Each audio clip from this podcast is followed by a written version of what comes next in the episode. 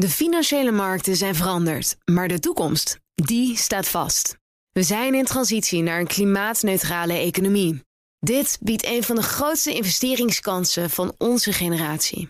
Een kans voor u om mee te groeien met de klimaatoplossingen van morgen. Meer weten? Ga naar carbonequity.com. Carbon Equity. Do good by investing better. Een goedemorgen van het FD. Ik ben Pauline Swuster en het is woensdag 5 oktober.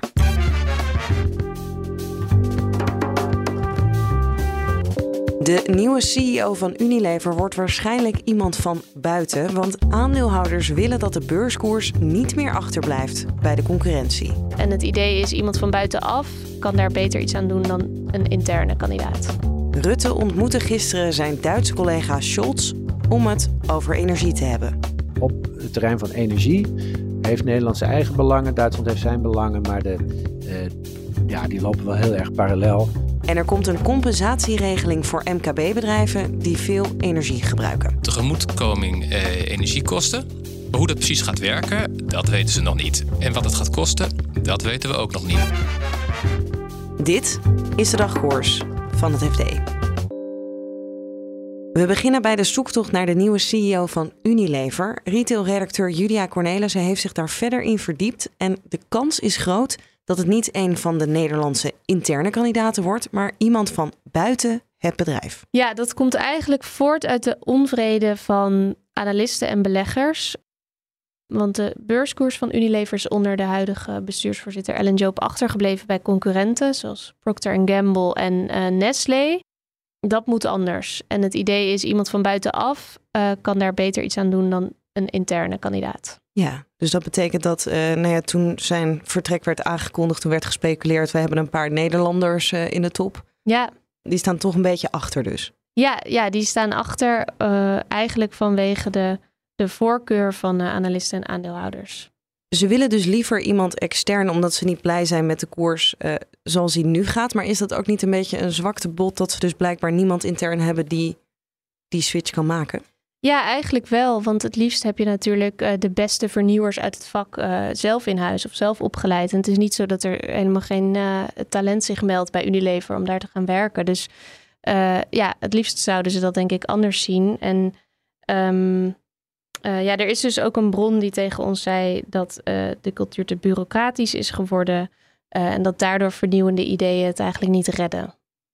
Dat die al in de kiem gesmoord worden voordat ze groot kunnen worden. Ja, en wie heeft uiteindelijk de grootste stem in het bepalen van de opvolger? Zijn dat dan de aandeelhouders? Of? Ja, nou, omdat het uh, bedrijf volledig Brits is geworden in 2020, is die achterblijvende beurskoers zo'n groot pijnpunt. Want de aandeelhouders hebben in het Verenigd Koninkrijk nu eenmaal meer macht dan in Nederland. Dus um, zo'n zo'n punt gaat dan zwaarder wegen en wordt ook een groter probleem. Wie stemt bepaalt uiteindelijk? Uh, wie de opvolger wordt? Ja.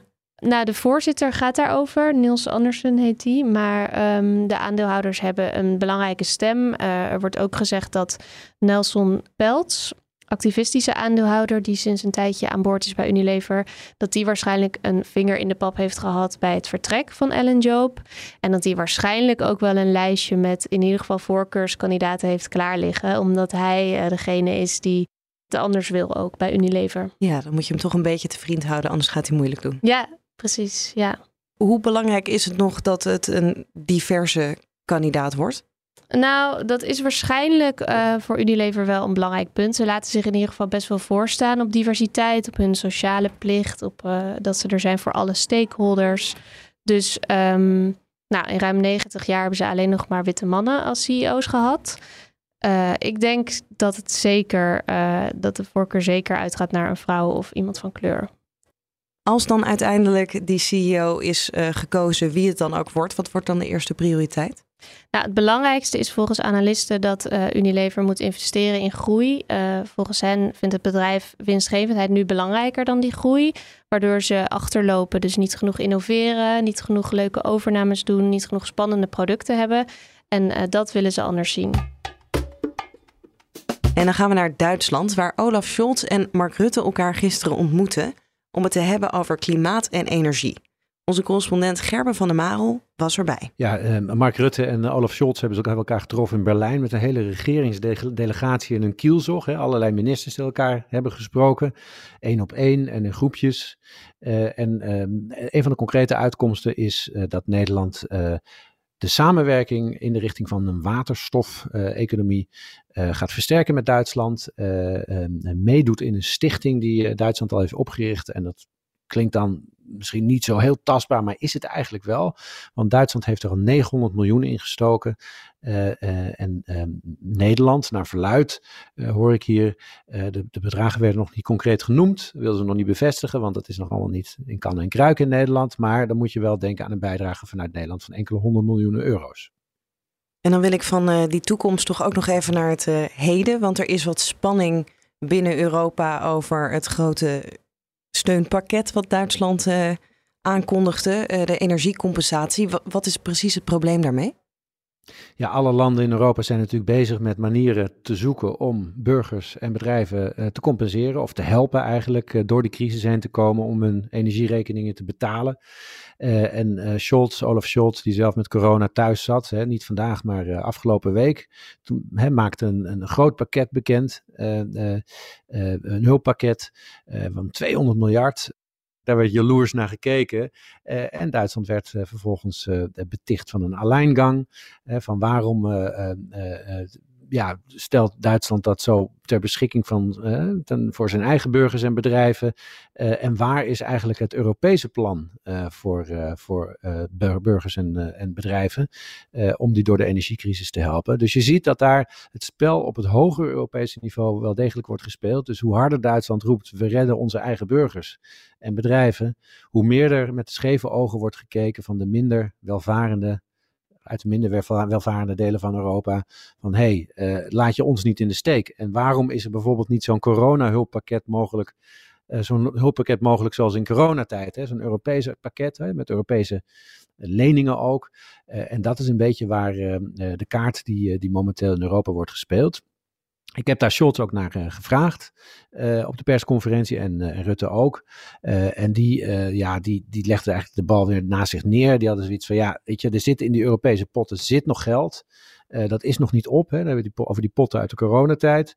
dus die wilden daar zeker nog niet aan. maar ze waren ook ontzettend voorzichtig, want hè, als het gaat om solidariteit in Europa, dan er worden natuurlijk altijd grote woorden gebezigd, zeker vanuit Duitsland.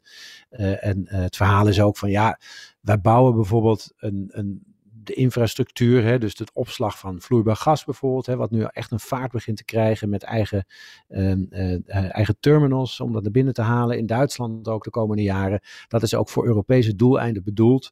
Uh, dus op die manier probeert Duitsland, eigenlijk samen met Rutte, samen met Nederland, nog even die, die bal af te houden van een, van een groot Europees reddingsfonds voor, voor de energiecrisis. Ja, dus hier waren Rutte en Scholz heel eenduidig over eigenlijk.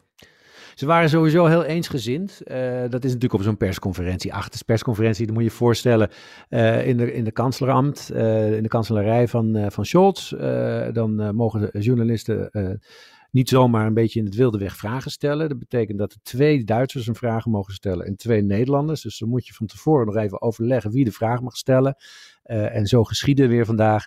En in de antwoorden ja, wat, wat die twee regeringsleiders willen uitstralen is echt absoluut eensgezindheid. En ik moet er ook bij zeggen, op het terrein van energie heeft Nederland zijn eigen belangen, Duitsland heeft zijn belangen, maar de, uh, ja, die lopen wel heel erg parallel. Nederland wil graag uh, een, een, transportland worden. Nederland wil graag een, met de haven waterstof binnenhalen. De lokale productie met windmolenparken in de Noordzee is een gemeenschappelijke streven. Uh, en ook het doorgeleiden van, uh, van uh, zowel van gas, maar ook van, van waterstof in de toekomst wellicht. daar wil Nederland ook een rol in spelen, ook in Duitsland via de gasunie. Ja, en is het Groningen gasveld uh, nog ter sprake gekomen? Want Duitsland wil oh, natuurlijk extra gas. Ja, zeker. Dat is een van die vier vragen die gesteld is. Of een van de twee Nederlandse vragen, kan ik er meteen bij zeggen.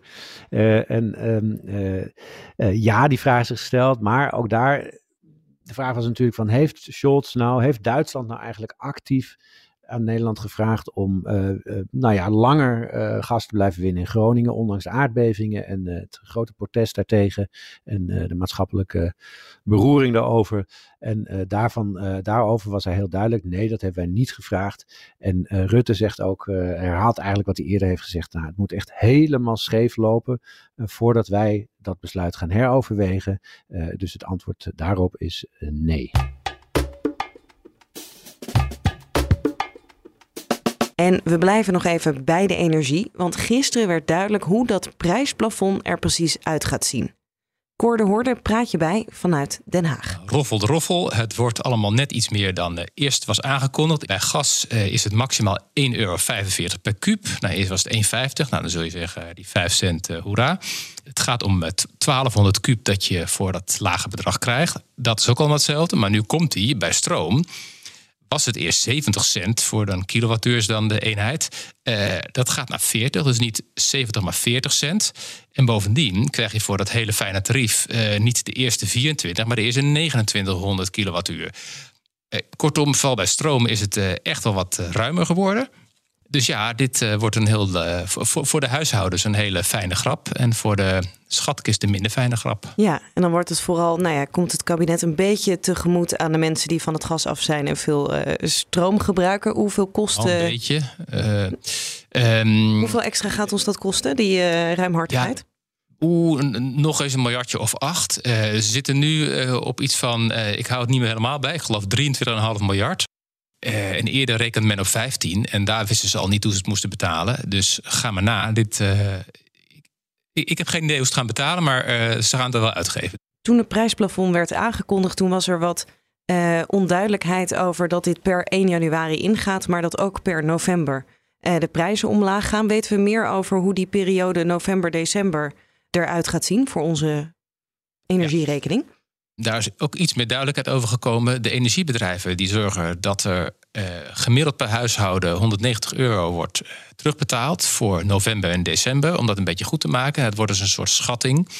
Uh, terwijl vanaf januari daadwerkelijk het tarief omlaag gaat. En daar hoeft de gebruiker dus niks te doen. Hij heeft geen aanvraag in te dienen. Dus uh, alle luisteraars, u hoeft helemaal niets te doen. Dat gaat helemaal automatisch. En ook die 190 euro. Uh, die eerste, wat ik noemde, dus voor november, december, dat is dus een eenmalige bijdrage. En die overige regelingen die worden gewoon op maandbasis in de maandfactuur verwerkt. En dan waren we eigenlijk ook nog aan het wachten op de uitwerking van de regeling voor het energie-intensieve MKB. Maar dat, gaat... dat zou ik bijna vergeten. Ja, nou, dat komt nog niet. Nee, nou, uh, het goede nieuws, hebben we wel een naam bedacht, uh, namelijk uh, tegemoetkoming energiekosten. Maar hoe dat precies gaat werken, dat weten ze nog niet. En wat het gaat kosten, dat weten we ook nog niet. Ja, hier in de wandelgangen gaan allerlei bedragen de ronde en het gaat altijd over tenminste over miljarden. Men wil een regeling nader in te vullen. Uh, waarbij gekeken wordt naar bedrijven die uh, veel energie verbruiken ten opzichte van de omzet. Daar hebben ze al eerder naar gekeken. En toen was het verhaal dat het vreselijk moeilijk om dat te bepalen. Maar dat gaan ze dus toch doen. Langs, langs die wegen gaan ze het doen. Maar als je me dan vraagt welke, waar ligt dan die grens? Hoeveel bedrijven gaan er onder vallen? Ik weet het niet. Niemand weet het.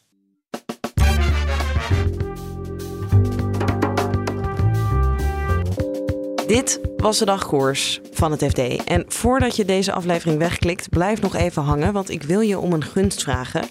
Als je de podcast van het FD wil steunen, nomineer ons dan voor de Dutch Podcast Awards.